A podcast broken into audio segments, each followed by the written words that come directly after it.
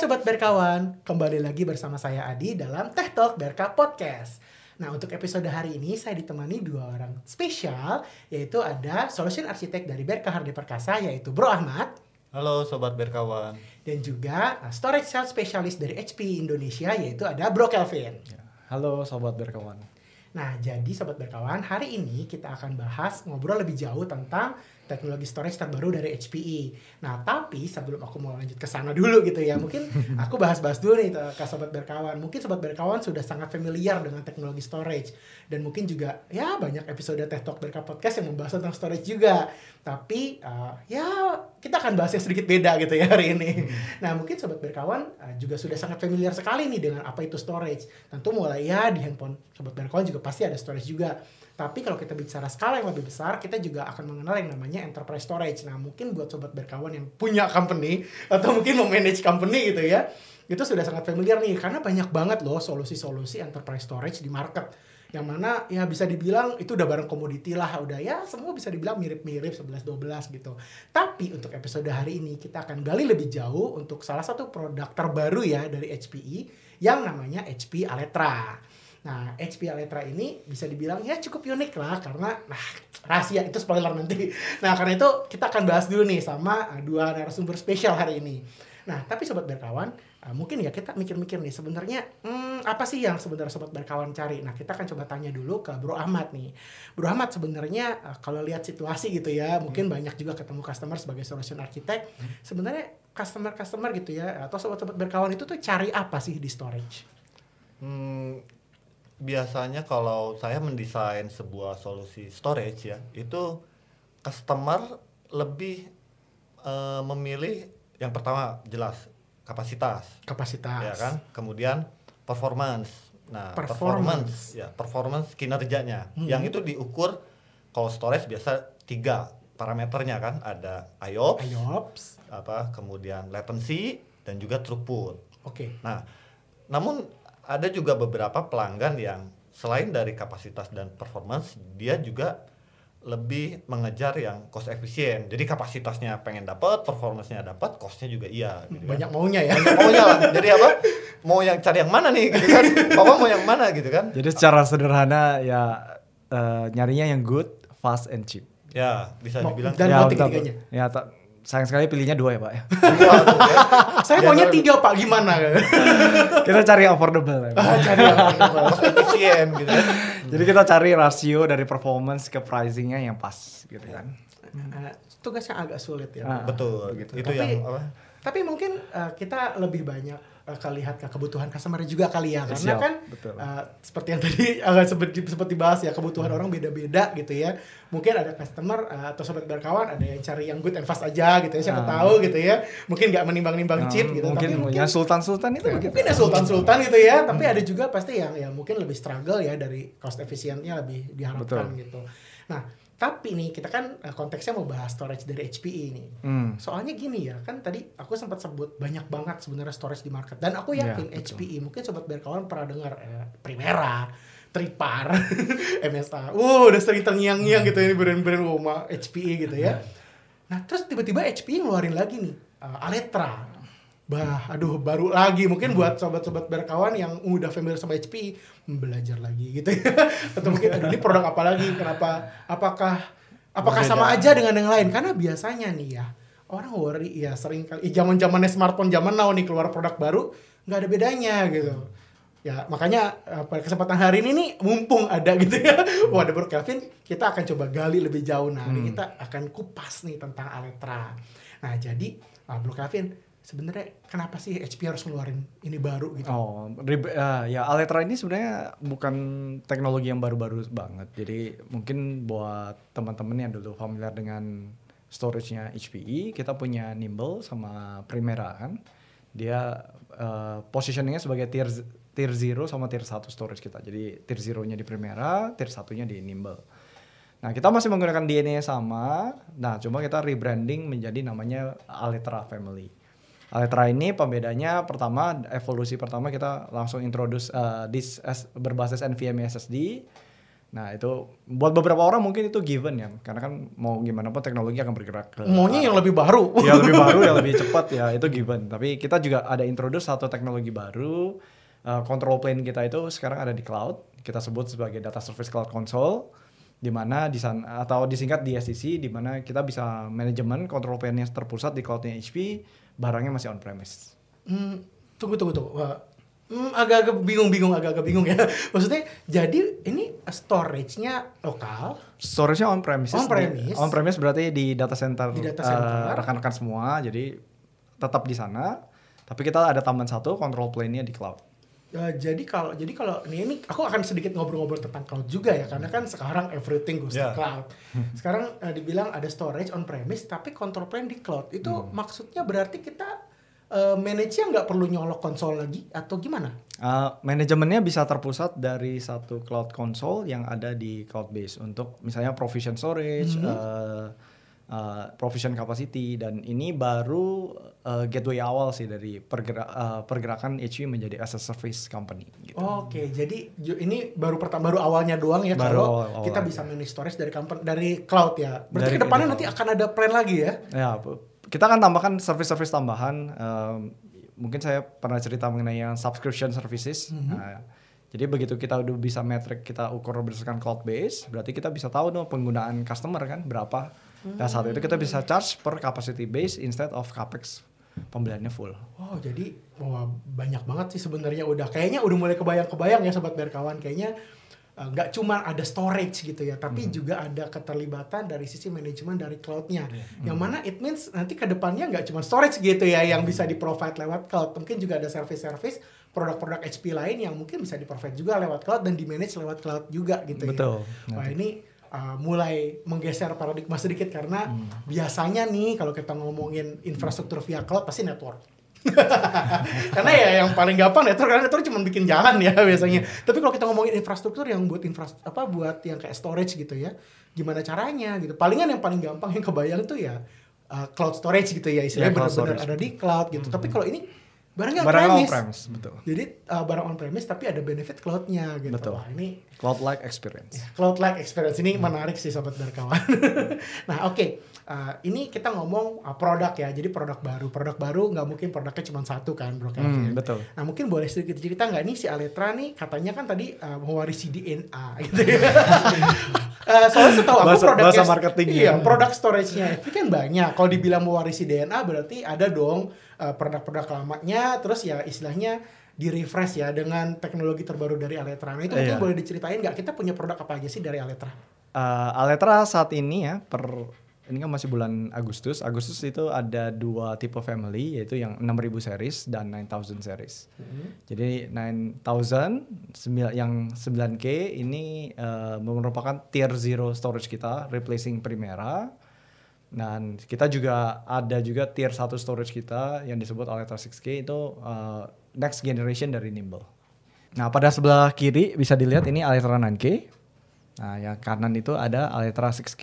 Ini tier 0 dan juga tier one storage-nya HPE saat ini positioning. Oke, jadi ada dua produk ya sobat berkawan. Ini ada uh, dis, apa ada HP Aletra 9000 dan HP Aletra 6000 dan mereka uh, bedanya tadi tier 0 sama tier 1 ya. Betul, tier 0 sama Ini dua-duanya bisa di manage via cloud gitu Betul. ya. Ini dan cloud console kita namanya Data Service Cloud Console atau disingkat DSCC. Ini buat apa provisioning ya? Jadi benar-benar udah seperti kita colok konsol langsung ya, tapi uh, hmm. bedanya kita Bia akses via cloud gitu. Ya bi biasanya kan kita punya onboard UI juga ya. Maksudnya mm -hmm. ada UI yang bisa diakses via web browser. Nah, nah, nah biasanya UI ini bersifat bersifat lokal. Jadi hmm. adanya di on premises Hanya juga. buat itu doang juga hmm. biasanya kan, hanya untuk perkenalan Dan Uh, mungkin buat teman-teman yang familiar kalau misalnya dulu Provision uh, Primera maupun Nimble, kita punya dua cloud console yang berbeda dan dua experience yang berbeda. Adminnya mungkin agak agak repot. ya. harus bisa harus kursus dua-duanya kayaknya iya, ya. Jadi harus kursus Primera juga, harus uh, kursus yang ini juga gitu. Makanya dengan ada ini ini ada satu common cloud console di mana monitoring, activity, alerting, provisioning semua dari cloud console yang sama dengan language yang sama. Jadi kalau customer mau bikin integration kayak layaknya API, API tersebut juga bisa diakses ke cloud console kita untuk manggil. Dia nggak peduli uh, underlying storage-nya apa. nggak peduli maksudnya apakah enam ribu apa sembilan betul gitu ya. mau ya. gitu enam atau sembilan cara provisionnya sama API-nya single API walaupun katanya ini DNA-nya beda ya tapi yeah. tetap bisa di manage uh, dengan satu cloud console yang sama betul Wah, ini uh, oke okay sih. Setidaknya mungkin ke kekompleksitasannya itu bisa dikurangin ya istilahnya. Iya. Tapi kalau buat teman-teman yang misalnya masih mau pakai cara lama, itu kita masih menyediakan UI uh, onboard UI pada hmm. masing-masing konsol ini juga masih ada. Ya kalau nggak ada agak gawat juga hmm. sih. kalau misalnya tiba-tiba putus internet kan, waduh iya. gitu. Jadi ya. kita masih menyediakan dua akses lah untuk manajemen. Oh jadi ini apa Bro Kelvin si Aletra ini dia memisahkan bidang data dengan bidang manajemen ya, yang mana bidang manajemennya di cloud. Betul. Nah itu ya kalau kita berbicara cloud gitu kan itu kan pasti butuh koneksi internet kan. Hmm. Nah tapi tadi disebutkan tidak selalu apa namanya uh, harus terhubung ke internet. Bahkan oh, ada okay. juga dash dashboard yang lokal gitu kan. Iya. Jadi ada dua dua manajemen plane, satu yang ada di cloud console-nya kita hmm. itu dengan internet akses tentunya, terus kita juga punya onboard, dua-duanya ada. Okay. Kalau dengan cloud itu ya ini jika saya memposisikan sebagai pelanggan gitu ya. Hmm. Apa ininya apa benefit kenapa di cloud gitu kan? Saya lebih ya kan ada mungkin beberapa customer yang lebih apa ya confident iya, gitu kan, lebih apa? Dia bisa uh, mengelola storage-nya ya di lokal saja tak khawatir kalau di cloud siapa pun bisa akses gitu kan hmm, nanti iya. berubah, jadi, berubah jadi, apa konfigurasi gimana tuh? Uh, concernnya mengenai security ya. Kalau security dari DSCC kita punya satu white paper khusus yang membahas uh, tentang security. Misalnya port yang dibuka kita pakai TLS, hmm. MTLS yang yang uh, komunikasinya encrypted. Terus berhubungan hanya control plane, kita hanya kirim metadata aja ke atas. Oh jadi data customer itu tetap on premises. Hmm. Jadi datanya nggak ada di sana ya? Datanya nggak ada, hanya control plane-nya aja. Hmm. Nah untuk customer yang mungkin mau kalau istilahnya HP itu air gap, air gap itu ada lingkungan yang dia mau batasin aksesnya. Hmm. Um, kita ada juga deployment untuk air gap. Cuma customer akan kehilangan beberapa fitur ya yang ada di cloud console. Contohnya oh. kayak online online upgrade untuk firmware itu harus menggunakan cloud console-nya. Oh, hmm. jadi dengan apa? Uh, tidak hanya memudahkan dapat diakses dari mana saja, tapi hmm. juga memudahkan dalam uh, pemutahiran upgrade itu yang pelanggan ya tidak perlu dipusingkan lagi dengan tidak hal itu satu gitu kan ya nggak perlu satu-satu lagi ya, upgrade-nya. Ya, ya, Jadi ya, proses upgrade-nya juga centralized terus kalau terkoneksi dengan cloud kita bisa lakukan pre-check maksudnya firmware terbarunya apa, hmm. yang sekarang dipakai apa dan makin uh, makin ke sini kita bikinnya uh, proses upgrade ini semua customer customer self upgrade lah bisa dibilang. Hmm. Jadi dengan one single click of button, hmm. customer bisa melakukan upgrade keseluruhan environmentnya uh, ke firmware terbaru dan ini tanpa downtime ya. Jadi, oh. hmm. jadi kan biasanya kan uh, sebelum upgrade ada beberapa ya. customer yang udah udah bergemetar gitu bergemetar duluan nah ini bisa dibantu dengan ini ya kalau menurutku sih memang karena biasanya ya yang paling sulit itu kalau kita ngomongin upgrade itu mesti mati itu oh, iya, itu betul. pasti tuh drama hmm. Storage-nya nggak centralized lagi yeah. waduh itu uh, greget greget nih ini siapa dua yang mati jauh terus udah gitu mungkin harus malam lagi semuanya mati abis ini jadwalnya si A besok si B besok si C yeah. uh kompleks banget gitu ya itu yeah. kalau zaman dulu yeah. gitu ya tapi dengan Aletra dengan si di SCC ini ya berharap uh, customer ya itu lebih mudah untuk hmm. uh, melakukan proses nggak cuma sekedar manajemen hmm. tapi juga upgrade juga ya dan yeah. itu uh, secara apa namanya juga secure karena ternyata data nggak dikirim ke cloud yeah. hanya metadata doang dan itu tadi juga sudah di secure dengan protokol yang safe juga hmm. gitu wah ini uh, oke okay banget nih cuman nah ini nih aku dari tadi greget nih hmm. karena tadi aku sempat lihat ya 6000 9000 itu NVMe gitu betul Gimana bro, NVMe ada concern nggak bro? uh, eh, NVMe terlalu ngebut kali. ya apa? Memang dari performance dia lebih tinggi ya hmm. daripada interface SAS maupun SATA. Gitu ya. Hmm. Ya. Hanya ada nggak opsi apa namanya?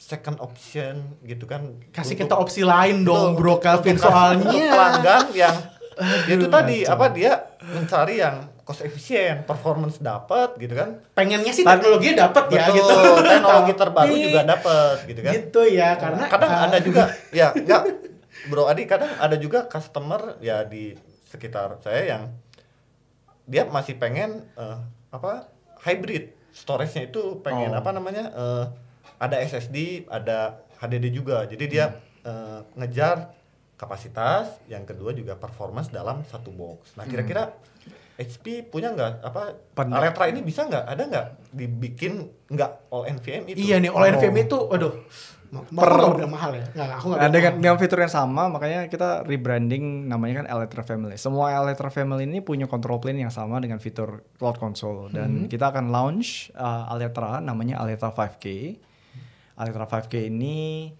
uh, akan launch di 6 September. Jadi setelah 6 September customer bisa enjoy uh, another Elytra Family nah, yang berbasis hybrid Nah, kita sebutnya uh, tipe storage ini berbasis hybrid flash storage untuk general purpose apps. Oh oke, okay. jadi kalau aku lihat di site itu ya sobat berkawan itu ada tiga jenis Aletra ternyata. Tadi kita diumpetin satu. Hmm. jadi ada Aletra 9000 itu disebutnya Mission Critical Apps, itu all NVMe ya. Hmm. Uh, dan ada Aletra 6000 itu namanya Business Critical Apps. Hmm Nah, itu juga sama-sama NVMe dan ternyata betul. ada satu lagi gitu ya hmm. berkawan yaitu Aletra 5000. Nah, itu kita sebutnya uh, bukan apaan kritikal ya. Hmm. bukan budget konsep tapi kita bilangnya general purpose apps. Hmm. Jadi buat uh, buat uh, sobat berkawan yang oh letter all NVMe enggak gitu ya. Kita baru launching ya. Ini launchingnya kapan ya bro kira-kira? Nanti launchnya 6 September. Oke okay, berarti September soon September ya sudah, 2022 sudah ready berarti ya sudah ready. Sudah bisa di order jadi uh, buat sobat berkawan uh, yang pernah dengar Aletra all NVMe ternyata kita sudah punya penyelamat juga buat sobat hmm. berkawan yang struggling dengan NVMe gitu ya. Hmm. uh, tapi tetap dengan teknologinya Aletra karena control plan-nya tadi itu ada di cloud ya. Betul. dan itu uh, bisa kompatibel dengan semua Aletra family ini gitu ya lima ribu enam ribu sembilan ribu punya fitur yang sama tapi dengan opsi ya hmm. dengan opsi ya bisa memfasilitasi buat sobat berkawan yang mungkin lebih butuh yang uh, general purpose gitu ya. Oh ini walaupun general purpose ini uptime-nya kita jamin 69 tetap 99,99. Oh, jadi, Makanya dia walaupun general purpose kategorinya tetap enterprise storage. Oke. Okay. Gitu. Jadi walaupun namanya general purpose tapi karena dia di apa namanya guaranteed ya, guaranteed uptime itu uh, berapa tadi? Six nine. Six nine itu jadi sembilannya ada sembilan sembilan sembilan sembilan. Di belakang koma ada empat sembilan ya. itu berarti kayak kalau itu itu tuh cuma kayak berapa menit setahun ya sih kalau nggak salah ya? Uh, tiga puluh satu second dalam setahun. Tiga puluh satu second dalam setahun dong. Cuma saya harus cek lagi sih sekitar segitu. itu oh soalnya soalnya, soalnya kalau nggak salah lima sembilan itu tuh cuma berapa menit gitu itu. Ah, jadi pasti kalau ditambahin satu lagi tuh pasti cuma jadi hitungan detik. Ya, jadi benar-benar dijamin ya dijamin sembilan puluh sembilan koma sembilan puluh sembilan sembilan sembilan persen itu uptime-nya si Aletra bahkan Aletra ribu ya bukan Aletra ribu aja betul ya jadi kita, kita sudah mulai jamin dari Aletra yang 5K basis. Ini luar biasa ya jadi benar-benar wah ini harusnya menjawab sih buat sobat berkawan ya lagi pusing ini karena kemarin kan mungkin sobat berkawan ya sudah cukup familiar dengan produk HP sebelumnya dan banyak produk gak jelek loh karena banyak produk artinya banyak opsi gitu ya sobat berkawan. Cuman kan begitu diintroduce Aletra itu awalnya sempat mikir oh, NVMe gitu ternyata nggak juga kok. Uh, memang kita butuh bertahap ya kadang-kadang ya. Dan kita sudah diintroduce juga welcome Aletra 5000 to the family. Uh, jadi buat sobat berkawan nggak usah worry lagi. Uh, buat sobat berkawan yang masih mikir uh, aduh aku butuh hybrid storage uh, butuh yang uh, ya maunya sih fiturnya modern gitu ya, hmm. tapi tetap dengan uh, opsi-opsi yang lebih familiar dengan uh, mungkin customer-customer yang nggak nggak begitu concern dengan NVMe juga gitu ya. Nah ini ada opsi untuk Aletra 5000. Oke sebelum lebih jauh uh, mungkin boleh sedikit diceritain gak nih Aletra 5000 ini ada apa aja fiturnya? Eh soalnya kan ya zaman sekarang nih banyak juga nih saudara-saudara nih yang di brand-brand hmm. lain pasti juga punya nih sejenis gitu. Nah Aleta 5000 itu punya beberapa key point benefit jadi di sini tetap sama, kita garansi dari 69 availability-nya. Dia punya fitur ultra efisien. Jadi ultra efisien ini biasa berpengaruh ke teknologi kita yang uh, data reduksi. Uh, data reduction.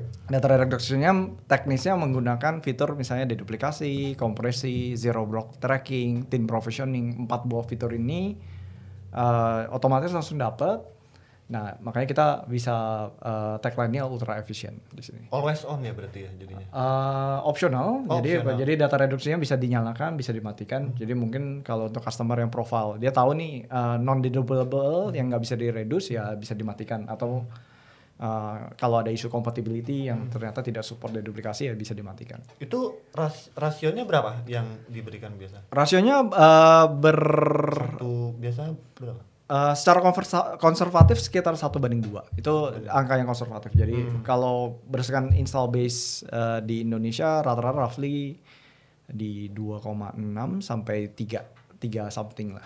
Satu banding empat bisa mungkin memungkinkan sih ya satu kayaknya. banding empat hanya untuk tipe-tipe data tertentu lah tipe, nah, tergantung um, lagi balik lagi ke tipe iya. datanya ya. jadi kita pisahkan bergantung dari tipe datanya tipe datanya uh, ada beberapa yang deduplikasinya sangat bagus ada yang enggak yang biasa saja gitu ya Ya soalnya aku tuh suka gini suka suka kadang-kadang nih kalau lagi sizing gitu sama customer kadang-kadang mm, ini apa sih mas ini apa sih mas ya usable terus ada efektif gitu ya. Hmm. Nah soalnya kadang-kadang ya gitu bisa yeah. efektif kapasitinya bisa sampai ya bisa tiga atau empat kalinya gitu. Hmm. Hmm. Tapi begitu customer begitu di, di lapangan ternyata nggak begitu nggak bisa dipakai itu ternyata karena aplikasi compatibility tadi ya gitu ya. ya. Jadi ada beberapa data yang nggak bisa langsung di yang nggak bisa diridus gitu ya yeah. karena mungkin aplikasi tidak mengizinkannya. Hmm. Jadi sobat berkawan uh, sebaiknya kalau sobat berkawan udah mulai ngelirik nih oh, pengen so, ah, aku pengen upgrade storage nih pengen hmm. coba teknologi baru hmm. ah pengen uh, pengen nih nyobain di SCC gitu ya karena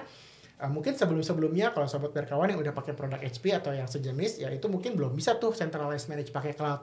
Nah, dengan si Aletra ya mungkin sobat berkawan punya opsi ya kita bisa coba 5000 bisa coba 6000 gitu ya. Dan uh, tadi uh, misalnya aduh ini sebenarnya efektif kapasitinya gimana ya usable kapasitinya gimana? Nah itu nanti kalau sobat berkawan mau tanya bisa tanya ke Bro Ahmad eh salah. Bukan, bukan, bukan.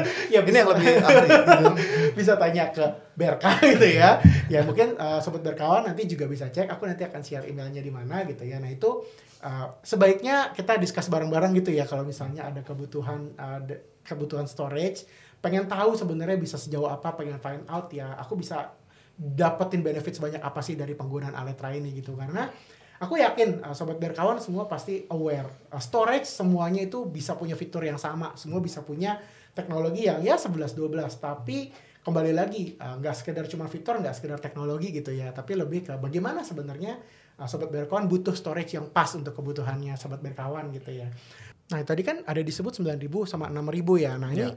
boleh nggak Bro Kavit sedikit kupas lebih jauh nih sebenarnya apa sih fiturnya si 9.000 sama 6.000 ini? Bedanya apa sih? Kenapa sih harus ada dua ini gitu? Hmm. Kita mulai dari 9.000 dulu ya. Oke, okay, 9000 ini punya kelebihan yaitu pertama all active multi node. Jadi kita bisa support sampai 4 buah controller hmm, dan semuanya dan semuanya langsung berjalan secara paralel. Jadi all active controllers. Empat controller itu berarti kayak dua box ya? Atau uh, dia dalam satu, single oh, chassis. Satu chassis ada empat. Bisa sampai empat. Jadi kita punya dua flavor untuk dipilih, dua controller atau empat controller system. Oh, dan itu semuanya di 9000 itu all aktif. All aktif. Oh. Makanya di, untuk customer yang membutuhkan maximum performance with lowest latency, kita kalau ngomongin NVMe itu latensinya kan di sub millisecond ya, mm -hmm. 0,3, 0,4 Nah, mau maksimum performance adanya di 9000. Oh. Terus uh, kita juga jamin dengan 100% availability guarantee untuk datanya. 100% loh. Iya, 100%, 100% loh sobat berkawan. Catat nanti kalau hmm. kurang. Jadi ini pembedanya kita. Nah, makanya dari sini uh, poin ketiga yaitu best performance density kita dapatkan dalam 4U bisa dapetin performance yang sangat maksimal gitu.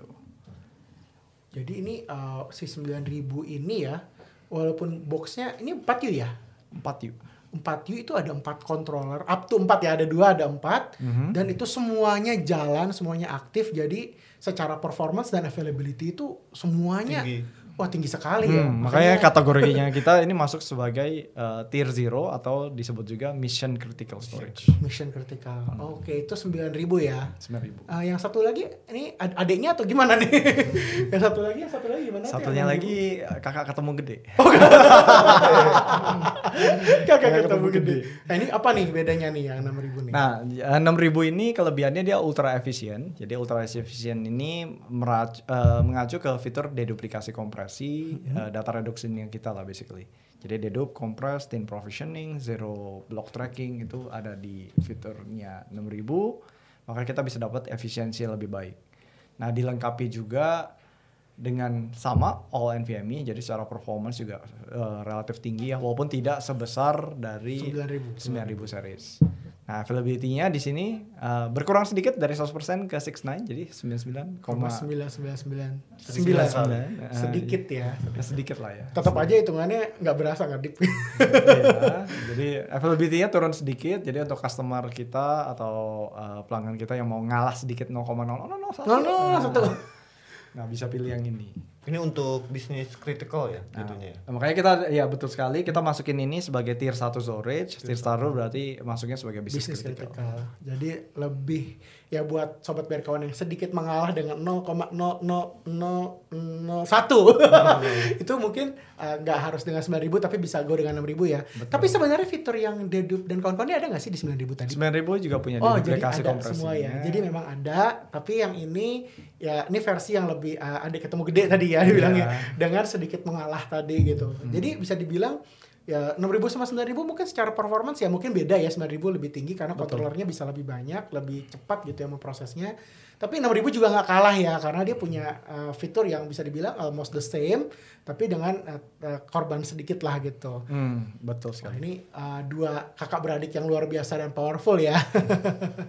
ini apa yang 6000 dan 9000 ini tadi kan di sebut di manage oleh DSCC gitu kan? Iya, DSCC. Data, Data Service Cloud Console. Yang apa? Satu konsol tapi bisa untuk uh, provision dan manajemen kedua provision storage. dan manajemen dari kedua storage yang berbeda gitu. betul gitu. berarti itu enam ribu sembilan ribu bisa, bisa satu di sisi betul jadi oh. nanti satu konsol untuk manage jadi dua konsol, dua storage ini akan terdaftar dalam satu account customer hmm. dua-duanya di manage single dashboard nanti begitu provision tinggal pilih mau yang di enam atau sembilan ya soalnya bisa. gini nih biasa kan ya kadang-kadang ya sahabat dari kawan juga pasti tahu uh, misalnya kita punya yang benar-benar mission kritikal gitu kita hmm. pasti pakai sembilan ribu dong gitu hmm. tapi mungkin beberapa aplikasi-aplikasi yang mungkin lebih ya tadi ada tier 0 tier 1 lah istilahnya gitu yang mungkin nggak terlalu mission kritikal kita mungkin pakai yang bisnis kritikal tapi ya uh, kan tadi ceritanya pakai dia sisi gitu ya. Tadi sempat agak katanya uh, bisa nggak di manage kan ini dua storage yang beda. Katanya DNA juga beda loh gitu. Hmm. tapi ternyata bisa ya. Bisa. Confirm bisa ya. Jadi walaupun dua storage uh, punya darah yang sedikit berbeda uh, dengan cerita teknologi yang sedikit ya hmm. bisa dibilang ya mirip-mirip lah ya, hmm. tapi masih tetap beda sebenarnya hmm. gitu, tapi tetap bisa di manage dengan dashboard yang sama gitu ya. Betul. Wah ini betul. enak sih. ya ini apa? Uh, jadi kayak dua anak tiri di manage sama orang tua yang sama. Waduh. Ya. Waduh. Mas, masih didengerin orang tuanya kan. Belum membangkang dia. Ya, ya. Ini ini menarik sih. Jadi ada apa? Ada hal unik yang baru dari Aletra kan ya, apa? Ada memberikan pengalaman cloud gitu kan. Namun tidak hanya cloud saja tapi juga mencoba uh, tadi disebut Bro Kelvin subscription. Berarti itu kan mengarahnya ke OPEX ya. Jadi hmm, apa? Uh, ada ada pengalaman selain cloud gitu kan juga uh, cara bayarnya gitu. betul jadi pengalaman kita kan cloud like experience bukan hanya cara provision hmm. uh, kemudahannya seperti cloud sederhana kan biasanya public cloud punya punya cara provision yang sangat sederhana betul lah. betul tinggal provision pilih kapasitas ya dan gitu hmm. nanti nggak tahu di belakangnya di mana hmm. nah kita juga uh, bergerak ke arah pengalaman pembayarannya layaknya cloud jadi uh, kita akan introduce uh, pembayaran dengan uh, subscription base tapi itu di future Uh, saya juga masih nunggu most likely di November baru baru tahu skema uh, detailnya seperti apa. Oke, okay, tunggu tunggu. Uh, ya, itu mungkin masih belum ya, tapi maksudnya gimana? Uh, aku agak-agak bingung karena oke okay, mungkin sobat berkawan udah cukup familiar kalau pakai public cloud ya. Uh, biasanya nih kalau kita mau beli uh, VM lah istilahnya gitu kan ya. Kita sewa, kita akan sewa sama storage-nya juga. Hmm. Itu bisa dipahami. Tadi juga Bro Calvin bilang, ya tas storage entah di mana gitu ya. Tapi kan ini tadi dibilang cloud like experience yang mana bisa pay per use gimana? Aku agak bingung karena loh kalau kita biasanya nih kalau beli storage kan kita beli batu nih plug nih storage isinya sekian tera gitu. Hmm. Apakah artinya nanti dengan itu kita bisa gimana bisa ba ah, gimana bayarnya gitu? analoginya? Gitu. Jadi analogi sederhananya customer akan tetap order. Jadi uh, eh, HP akan ship barangnya on premises uh, misalnya 42 terabyte. Oke, jadi tetap ada barang ya? Tetap ada barang, kita onboard ke cloud. Nah, begitu di onboard bisa di purchase tidak keseluruhan kapasitas yang ada di on-prem. Oh. Jadi misalnya setengahnya dulu 21 tera yang dilangganankan atau di subscribe ya. Jadi uh, bener-bener uh, walaupun barangnya on premise, ya kita ngomongnya benefit on premise ya sobat berkawan karena kan on premise ada kelebihannya yaitu datanya ada di situ gitu. Biasanya yang jadi agak kepikiran nih data kita di mana gitu ya kan agak-agak bingung. Tapi kalau ini barangnya on premise, tapi benefit yang cloud itu ya kayak tadi subscription kita bayar bener-bener ya mungkin nggak persis per use banget ya tapi hmm. at least kita nggak harus purchase all the box gitu ya kita nggak bayar boxnya 100% gitu uh, benefit cloud itu ya kita bilang itu tetap kita dapat ya dengan ya, betul. ini. Wah ini menarik sekali ya karena ya, ya. Uh, biasanya yang jadi halangan banget nih biasanya kan agak bercabang kepala nih pengen ke cloud atau pengen ke on premise aja karena yeah. on premise uh, datanya an ada di sini gitu ya biasanya cenderung lebih secure mungkin semua compatibility juga biasanya nggak problem terus ada juga yang ah mahal lah kita harus beli di awal apalagi ya, tadi kita bilang Aletra biasanya NVMe-nya cukup ya bikin agak sedikit greget ya gitu karena all NVMe juga. Tapi nanti ternyata ada opsi juga bahwa ya benefit-benefit yang dari kebaikannya cloud dan kebaikan on premise ini bersatu gitu ya dengan Alletra ini. Wah ini luar biasa sih, bener-bener kayak asik nih kayaknya ada uh, jualan baru. ada mainan baru. ada mainan baru tadi kita udah bahas ya uh, ada 6000 ada 9000 gitu ya yang ada yang mission critical ada yang business critical dan juga yang 5000 tadi yang general purpose. Tapi nih uh, di slide sebelumnya nah ini nih slide-nya.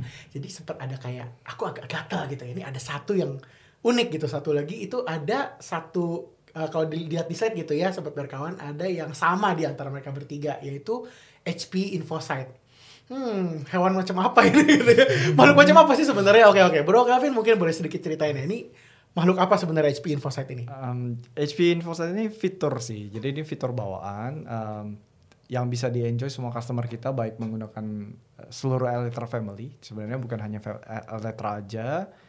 Bahkan saat ini customer kita yang menggunakan misalnya Nimble, Primera, ProLine kita sudah dilengkapi dengan fitur Infosight. Wait, tunggu, fitur bayar? Enggak dong. Oh, enggak. Ah, lega. Biasanya soalnya gitu nih, oh dia ada fitur hmm. uh, top up gitu ya. Yeah. ini enggak ya? Jadi highlightnya fitur ini info saat ini all inclusive. Jadi inclusive. sudah sudah included dengan pembelian Aletra 5, 6 atau 9K. Nah, spesifik untuk yang tiga unit ini yang kita bahas, saya akan bahas mungkin fiturnya. Uh, basicnya kan InfoSight ini predictive analytic platformnya kita ya. Jadi uh, customer ada buka port, port 443 mm-hmm. di mana uh, metrik metadata dari pemakaian storage-nya akan dikirimkan ke cloud HP dan ini cloud-nya berbeda dengan uh, data service cloud console bukan kita. DSCC tadi ya bukan, bukan. DSCC hmm. tapi ini masuknya ke InfoSight fungsinya untuk dilakukan analisa sama diberikan predictive analytic oh. jadi paling basic kita bisa aktifkan namanya call home call home call rumah Eh, telepon rumah. Buat anak-anak yang suka nyasar, udah bisa telepon rumah. Iya. Oh, jadi tapi enggak enggak enggak. Kirain beneran nih. enggak enggak enggak enggak. Jadi call home ini fiturnya uh, fungsinya untuk automatic cache creation lah. Oh, automatic cache, cache creation. Jadi yang... open ticket secara otomatis oh, dari platformnya. Berarti bener dong kalau ma aku lupa bawa PR yeah. gitu telepon ke rumah bener. jadi kalau misalnya cache-nya mereka uh, jadi si infoset ini bisa bikin tiket sendiri. Bisa. Oh. Jadi tiketnya otomatis dibuka. Ya sebagai analogi kita misalnya terjadi misalnya hardware failure, mhm. controller hmm. atau mungkin uh, atau mungkin disnya salah satunya fail, hmm. otomatis akan dibuatin lognya dan tiketnya langsung dikirim dan analisa akan berjalan tanpa interupsi manusia. Dengan gitu kan respon time sama replacementnya akan jauh lebih cepat ya. Oh, lebih ini ya. Jadi karena telepon sendiri hmm. nggak hmm. nunggu sampai barangnya langsung rusak ya. Hmm, Biasanya kadang-kadang kan ya, maaf ya, nggak semua staff IT sobat berkawan juga pasti tahu. Mungkin nggak 24 jam nongkrongin konsol, server atau storage juga gitu kan. Tapi dengan si uh, InfoSet ini uh, ketika ada problem saat itu ada problem dia bisa bantu untuk auto create case creation. itu creation. itu fitur paling basicnya. Kalau fitur yang paling basicnya. Nah, advance-nya kalau kita enable fiturnya InfoSight, kita bisa dapat uh, misalnya enable cross stack analysis untuk uh, VMware. Oh, cross stack analysis for VMware. VMware. Jadi kalau customer menggunakan VMware di atas platformnya Aletra ini mm -hmm. bisa diaktifkan fitur cross stack analysis di mana kita mengintegrasikan informasi dari VMware dijahit dengan yang storage. Oh, nah. wait. Jadi maksudnya ya biasanya kan kalau kita uh, sobat berkawan gitu ya kalau pakai VMware uh, itu kan biasanya kan sharing storage ya termasuk yang mungkin pakai Alletra gitu kan. Hmm, betul. Nah, tapi uh, biasanya sih yang jadi kejadian kan ya ada isu performance, ada ya biasanya nih tadi uh, kepikiran juga nih pasti nih yang sering disalahin yang paling datang belakangan gitu ya. Hmm. Misal uh, kita ngomong Aletra, Aletra kan barang paling baru ya, hmm. baru beli Aletra terus tiba-tiba muncul problem pasti salah Aletra gitu. Nah ini dengan si InfoSight ini kita bisa tahu nih, bisa tahu sejauh apa sebenarnya. Jadi ini diperuntukannya untuk uh, mungkin IT admin, -huh. untuk dapetin visibility yang lebih bagus ke environment VMware mereka. Oh. Nah fungsinya apa? Kalau VMware ini kan aplikasinya on top of the stack ya. Mm-hmm. Jadi di bawahnya sebuah guest VM ada host yaitu uh, hypervisor, ada server, ada network dan juga ada storage. Jadi ada multiple stack. Mm. Jadi kalau terjadi perlambatan di level VM, misalnya oh latency saya naik ke 100 milisecond, mm-hmm. kita kesulitan mencari uh, siapa penyumbang terbesar dari 100 milisecond tersebut? Hmm, siapa penjahatnya? Ya, siapa penjahatnya? Karena misalnya kalau kita nyari, oh ternyata storage hanya berkontribusi 10 milisecond, 90-nya di tempat lain. ya kan? Jadi kita ubuk-ubuk mau mau storage kita coba di troubleshoot kayak gimana Gak bisa, ya, cuma ya, cuma itu, itu. Ya anggaplah begitulah ya. Jadi ya berharap sih dengan si infoset itu ya yang kayak tadi itu fitnah-fitnahnya agak sedikit dikurangin gitu ya. Nah, iya. Jadi dengan begitu kita bisa tahu root cause analysis dari hmm. perlambatan itu hmm, itu, itu uh, visibility itu yang kita kasih ya plottingnya. Oh, okay. Nah terus ada juga dari predictive analytic ini men, uh, uh, menyediakan namanya recommendation engine. Jadi uh, secara berkala InfoSight ini akan uh, menganalisa environment customer dalam periode tertentu. Misalnya dia ambil periodenya seminggu. -hmm. Dalam seminggu itu kita analisa secara otomatis oleh engine AI-nya kita. Jadi misalnya oh VM ini mengalami, uh, mengalami perlambatan Nah, bahkan kita dikasih tuh rekomendasinya. Jadi misalnya over provision CPU. Jadi beneran ada kasus di mana dikasih CPU berlebih, VM-nya malah bermasalah. Oh, gitu ya. Jadi ada bisa mampu diidentifikasi over provisioning of the CPU of the VM. Itu by si InfoSight. InfoSight. Padahal itu prosesor ya? Iya betul. Wow. Jadi makanya kita dapat visibilitasnya langsung sampai VMware level plus rekomendasinya. Jadi action itemnya untuk uh, mereduce isu tersebut action apa yang harus diambil. Nah, Dan ini gratis. Free. Free. Aku Bro, senang dengar gratis. Bro Kelvin kalau tadi kan disebut ini apa? Ya gratis ya. Apa dapat uh, inklusif, uh, prediktif, analitik, terus apa? recommendation. Betul. Ada lagi yang lain misal apa? Kadang customer itu uh, ngesai apa bikin ya teknis ya. Hmm. Ini dia lunnya kegedean, volumenya kegedean. Nah, tahu-tahu habis aja ke depannya. Ini ada nggak ya apa fitur? Iya, bisa nggak? Bisa nggak? Ada capacity planning? Uh, capacity gitu, planning itu ada. Ada predictive analytic ya walaupun uh, walaupun terbatas ya, tapi kita bisa ada forecastingnya juga sih dari pemakaian uh, customer. Kita forecast ke sekian puluh hari ke depan. Seingat saya 90 hari ke depan bisa dimonitor berdasarkan tren saat ini apakah uh, penggunaannya akan habis atau tidak. Hmm. Jadi sana hmm. faktor itu juga ada. Possible jadi, ya, ya, jadi customer bisa bisa tahu kapan dia harus memperbesar kapasitas dari storage-nya ya. Betul. Bahkan kalau di kalau di platformnya mungkin Aletra 5000 apa 6000 itu kita punya fitur untuk bahkan dikasih rekomendasi uh, replacement platformnya. Oh, bahkan jadi kalau misalnya sekarang kita pakai controller uh, 6030 terus jadi perlambatan, bahkan ada rekomendasi oh replacement harusnya ke controller ini. Hmm. Bisa ganti 9000. ya tapi itu ini ya rekomendasi ya. Iya, itu rekomendasi. Tapi dengan nine sorry apa? Sembilan ya sembilan sembilan sembilan sembilan sembilan itu ya uptime-nya tetap terjaga ya walaupun ada perubahan nanti controller upgrade dari oh iya. itu uh, proses upgrade controller kita bisa jalan tanpa downtime sama sekali. Oh, jadi kita bisa ganti controller secara bergantian kan. Jadi ada proses handover dari satu controller ke controller lainnya ini tanpa downtime. Jadi kalau memang diperlukan untuk upgrade biasanya kita cabut salah satu controller mm-hmm. terus kita masukkan kita fail over ke yang baru baru kita ganti secara bergantian. Oh itu kenapa makanya mereka rata-rata nggak satu controller ya? Yeah, yeah. supaya kalau ada kayak gitu at least itu nggak kena fitnah juga tuh sembilan six nine jadi untuk untuk main tenis gitu. Keperluannya untuk main tenis. Nih uh, ini uh, InfoSec kan sebenarnya kayaknya bukan barang-barang baru ya. Soalnya sempat sempat dulu tuh sempat kayak ada suara-suara agak sedikit miring gitu. Karena gini sih uh, ada customer gitu ya uh, mungkin sobat berkawan juga pernah coba lu dengar kasus kayak gini jadi tuh tadi kan sempat dibilang sama Bro Kelvin kalau infoset itu pakai port 443 443 ya 443. Hmm. nah itu tuh ada sih ada beberapa customer yang kadang-kadang nih minta bukain 443 resist hmm. resist nih Soalnya gimana ya, aku kadang-kadang bingung nih benefitnya banyak. Tadi udah diceritain sama Bro Kevin. Ada predictive analysis ada uh, sampai kita bisa recommendation gitu ya. Tapi customer resist gitu karena harus buka port 443 nah mungkin Bro Kevin bisa kasih anjuran atau kasih bantuan gak sih buat kita semua nih? Uh, apa sih yang bisa eh. meyakinkan customer supaya nggak apa-apa kok buka port ini uh, entah ada security tertentu atau apa mungkin Bro Kevin boleh sedikit share jadi portnya itu juga sudah encrypted ya. Jadi kalau concern utamanya masalah security ini platformnya sangat secure karena kita pakai protokol all encrypted terus tidak ada data customer yang akan flow. Jadi semua blok secara datanya masih ada on premises yang kita ambil hanya bentuknya metadata aja. Untuk analisa contohnya nama volume atau misalnya rasio deduplikasi dan rasio kompresi terus mungkin serial number dari array. Nah informasi-informasi itu yang kita ambil dalam bentuk metadata. Infoset ini juga dilengkapi uh, dengan fitur user authentication di mana kalau user authentication-nya ini jebol uh, juga tidak bisa lakukan apa-apa karena kan uh, Infoset ini sistemnya reporting only ya. Oh. Jadi dia uh, metrik-metrik apa pun yang action ya. apa pun yang dilakukan di Infoset tidak akan mempengaruhi array yang ada di on premise. Oh, jadi nggak ada data customer ya nggak ada data customer nggak ada admin right. Jadi kalau dia misalnya jebol pun nggak bisa ngapa-ngapain juga.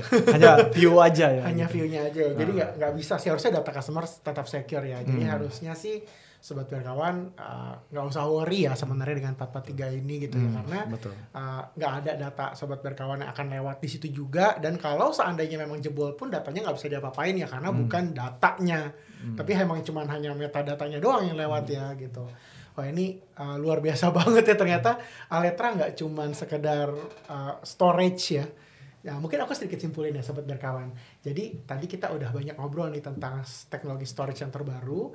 Uh, ada Aletra gitu ya 9000, 6000 dan juga ternyata ada adiknya lagi yang 5000 dan ini benar-benar uh, variatif ya, benar-benar dengan range yang cukup luas. Jadi sobat berkawan yang mungkin uh, agak sedikit agak ragu mungkin dengan VMI ya masih nyaman dengan hybrid, kita tetap punya solusinya gitu ya dari Aletra. Jadi wah ini luar biasa sekali uh, ada family yang cukup komplit uh, uh, adik tiri kakak tiri gitu ya semuanya lengkap gitu ya nggak walaupun mereka beda uh, beda DNA hmm. tapi mereka tetap uh, bisa di manage dengan satu DSCC tadi ya dengan hmm. cloud controller yang wah ini luar biasa banget benefit dari cloud benefit dari on premise itu semua didapat dari Aletra wah ini uh, harus sih sobat kawan wajib coba sih. Dan tadi juga ada satu lagi fitur yang bisa dibilang mungkin uh, tidak apa inklusif inklusif nggak boleh bilang gratis. Inklusif tapi nggak murahan. Ini benar-benar luar biasa banget. Namanya HP Infosight ya.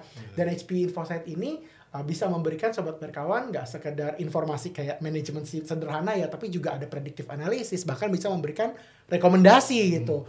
Wah ini harus coba sih sobat berkawan. Jadi kalau sobat berkawan minat ya mau coba produk Aletra bisa hubungi Bro eh sorry bukan Bro Ahmad aja, tapi bisa hubungi ke sini ya marketing at berka.co.id.